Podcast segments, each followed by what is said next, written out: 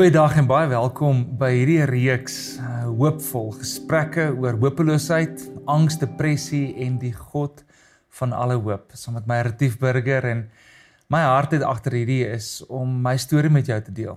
En waar ook al jy in jou lewe is, vir jou hoop te gee.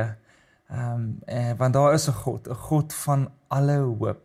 Ehm um, Romeine 15 sê die volgende so mooi. Hy sê mag die God van hoop julle vervul met alle blydskap en vrede deur die geloof dat jy oorvloedig kan wees in die hoop deur die krag van die Heilige Gees.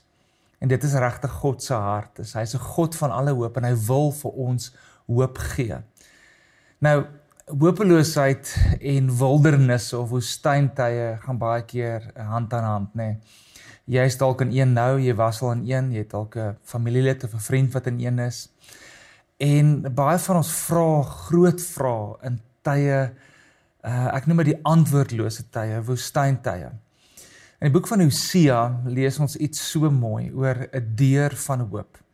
In Hosea 2 vers 13 tot 14 is God besig om te praat met sy volk Israel, maar hy gebruik eintlik uh die profeet Hosea wat met 'n uh, 'n oorspelige vrou moes getrou het hy moes haar gaan kry, hy moes met haar trou, met haar kinders sê en sy hardloop weer weg, maar maar maar daar is eintlik 'n voorbeeld van God se liefde vir Israel wat ook die heeltyd ehm um, sy liefde of haar liefde vir afgode gee en vir ander mense gee en eintlik ook is dit die storie van die kerk en die storie van ons ook.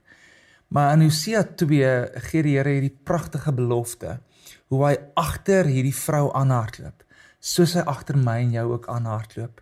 En hy sê die volgende. Hy sê ek sal haar lok en haar in die woestyn lei en na haar hart spreek. Dan sal ek haar daarvandaan haar wingerde gee en die dal Agor tot 'n deur van hoop. En daar sal sy antwoord gee soos in die dae van haar jeug, soos die dag toe sy uit Egipte land opgetrek het. Dis 'n ongelooflike mooi metafoor hoe die Here sê gaan haar aan die woestyn invat en en vir baie van van ons as ons dink aan 'n woestyn is dit die dor kaal plek waar daar geen hoop is nie, waar alles chup chup stil is.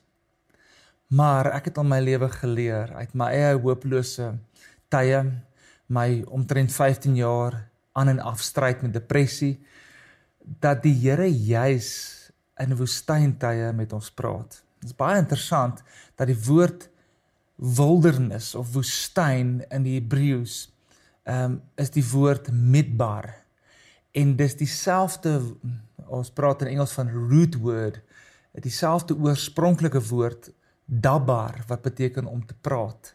So woestyn midbar en te praat dabar is eintlik dieselfde. En dis wat ek in my lewe geleer het dat God praat in 'n woestyn.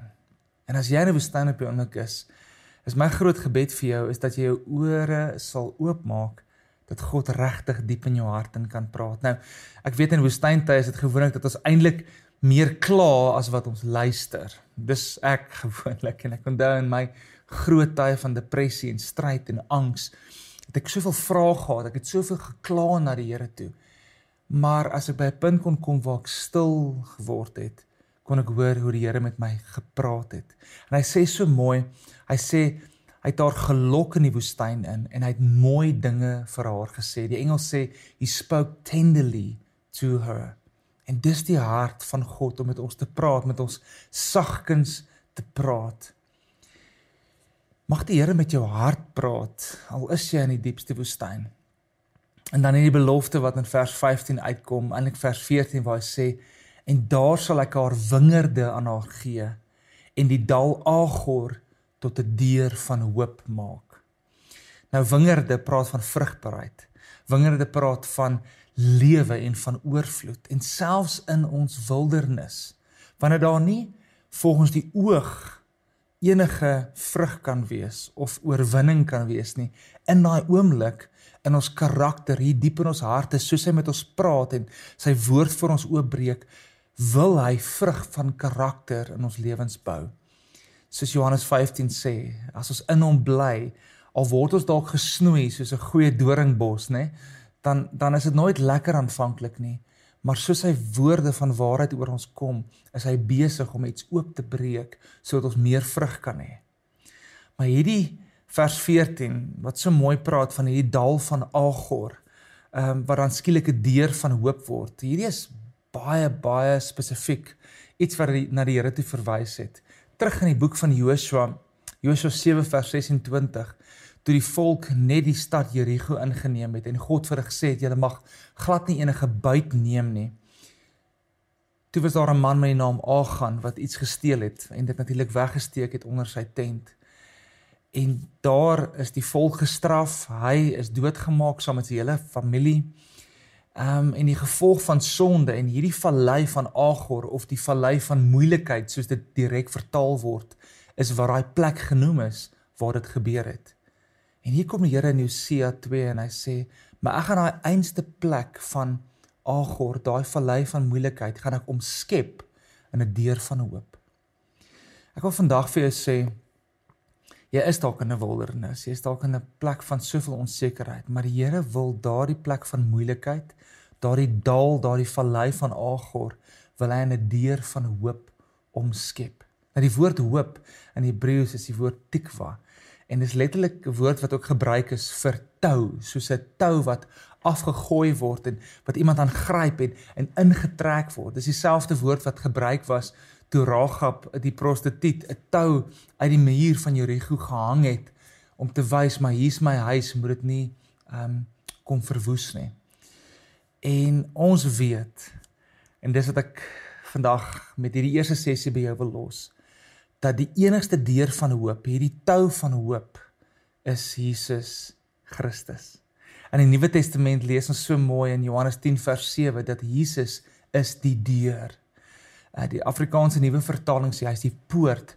As dit oopmaak, is daar 'n hele nuwe lewe vir jou en en ek wil begin hierdie sessie saam deur vir jou te sê dat jou enigste hoop is Jesus Christus en hy het die vermoë om jou jou seer en jou dal van Agor in 'n deur van hoop te omskep.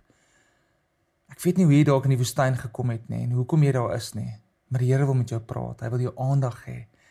Maak dit jou hart oop en gryp hierdie tou wie se naam Jesus Christus is en laat hy jou bedien. Here, ek kom bid in die oomblik vir enigiemand wat luister en wat hierdie sien. Here, dat hulle sal gryp na die hoop die God van alle hoop. En Here in hierdie oomblik al voel dit so hopeloos en so moedeloos dat hulle sal gryp na U dat U 'n deur van hoop vir hulle sal oopmaak. Dat U met hulle sal praat in hierdie woestyn en sagkens met hulle harte U liefde sal kom deel. Here maak 'n pad waar daar nie lyk like of daar 'n pad kan wees nie. Dis wie U is, is die God van alle hoop. Amen. Ons gesels volgende keer bietjie verder en ek deel met jou my storie van hopeloosheid. So maak seker jy luister weer en skakel in.